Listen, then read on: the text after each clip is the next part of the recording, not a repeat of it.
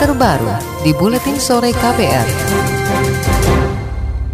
Saudara, salah satu penghuni asrama Papua di Surabaya, Jawa Timur, Alin mengaku tidak tahu terkait dugaan adanya pengrusakan bendera merah putih di asrama mereka. Hal itulah kata dia yang menyebabkan masa dari berbagai organisasi masyarakat mendatangi asrama Jumat pekan lalu. Padahal saat itu sejumlah mahasiswa Papua sedang melaksanakan kursus di belakang asrama. Kegiatan itu dikagetkan juga dengan kedatangan aparat keamanan. Alin mengaku masih trauma dengan pengepungan dan penggerbekan asrama mereka.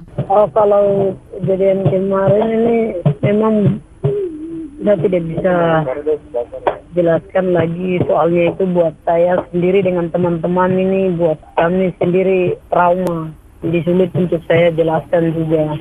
Kami keluar pun juga sulit, selalu diawasi, dipantau terus. Sampai detik ini memang belum bisa keluar dari asrama. Jadi kami sendiri memang situasinya saat ini memang buruk, buruk sekali kita punya psikologis tertekan. Mahasiswa penghuni asrama Papua di Surabaya Alin menuturkan beberapa mahasiswa bahkan diancam aparat keamanan sebelum dibawa ke Polrestabes Surabaya untuk menjalani pemeriksaan. Dia menyesalkan kepolisian menggunakan gas air mata untuk memaksa mereka keluar dari asrama. Saat ini puluhan mahasiswa Papua telah dipulangkan ke asrama Papua yang terletak di Jalan Kalasan, Surabaya. Sementara itu, Saudara, Komisi untuk Orang Hilang dan Korban Tindak Kekerasan Kontra Surabaya mengatakan mahasiswa Papua yang diperiksa polisi masih berstatus saksi. Sebelumnya mereka diperiksa karena diduga terkait kasus perusakan bendera merah putih. Koordinator Kontra Surabaya Fatul Khair mengatakan akan terus mendampingi proses pemeriksaan sesuai permintaan penghuni asrama. Kemarin kita memberikan pendampingan selama proses pemeriksaan di polisi mendampingkan hukum, saya sebagai kuasa hukumnya. Mereka yang kemarin ditangkap dan dibawa ke Polres di PHP sebagai saksi,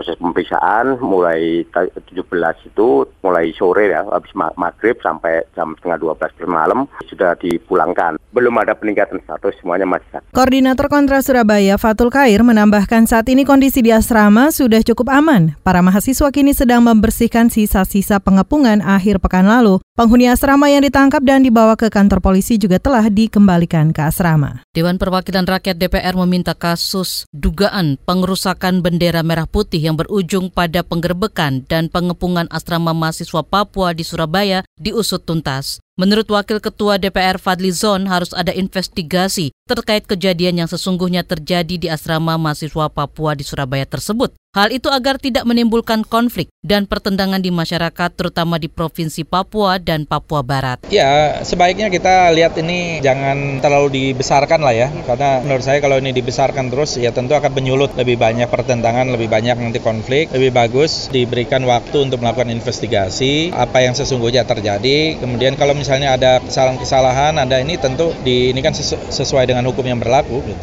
Wakil Ketua DPR Fadli Zon juga meminta pemerintah tanggap dan segera menangani permasalahan yang terjadi di Papua dan Papua Barat. DPR kata dia akan fokus membahas isu-isu Papua dengan tepat, termasuk soal dugaan pelanggaran hak azazi manusia di sana. Sementara itu, saudara dari Kapolri Jenderal Tito Karnavian mengatakan aksi unjuk rasa dan ricuh di Manokwari dan Jayapura, Papua dipicu kejadian yang menimpa mahasiswa Papua di Surabaya dan Malang. Kapolri menyebut kejadian di Surabaya sebenarnya sudah bisa dilokalisir. Sayangnya, ada pihak-pihak yang mengembangkan isu tersebut dan menebarkan hoax, sehingga memicu keresahan warga Papua. Kondisi itu membuat aksi unjuk rasa besar-besaran di Manokwari dan Jayapura terjadi. Jakarta selama ini tidak ada masalah.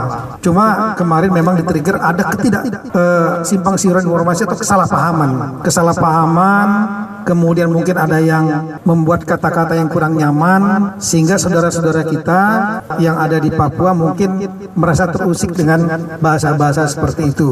Kapolri juga menyesalkan insiden tersebut. Pasalnya selama ini mahasiswa Papua yang menuntut ilmu ilmu di Jawa Timur tidak ada masalah. Mereka terbukti sudah bertahun-tahun berada di Jawa Tengah, Jawa Timur, dan Jakarta untuk menyelesaikan studinya. Polri juga berharap agar warga Papua tidak terpancing dengan isu yang bertujuan untuk mengadu domba. Kapolri juga mengajak agar masyarakat memperlakukan warga Papua dengan baik dan karena bagian dari bangsa Indonesia. Polisi saat ini juga tengah menyelidiki pelaku rasisme dan perusakan bendera di asrama Papua di Surabaya. Tokoh agama di Papua, Pastor Johannes Jonga, menilai dugaan tindakan diskriminatif aparat terhadap mahasiswa Papua di Malang dan Surabaya merupakan tragedi kemanusiaan. Johannes prihatin dengan kejadian pengepungan dan penggerbekan asrama yang dinilai tidak manusiawi. Menurut saya ini uh, peristiwa di Surabaya dan Malang itu sebuah skenario yang sudah lama yang terus menerus di apa suburkan atau dibiarkan oleh negara begitu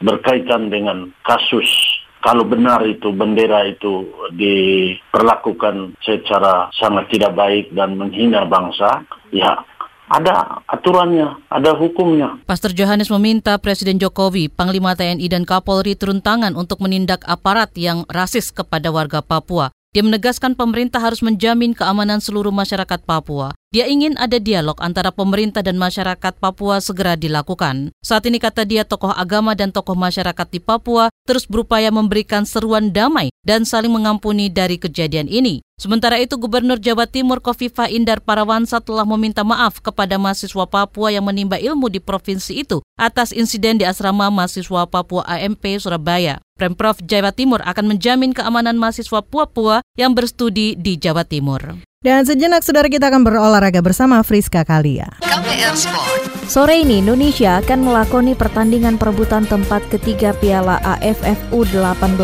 melawan Myanmar di Stadion Tongnat, Ho Chi Minh City.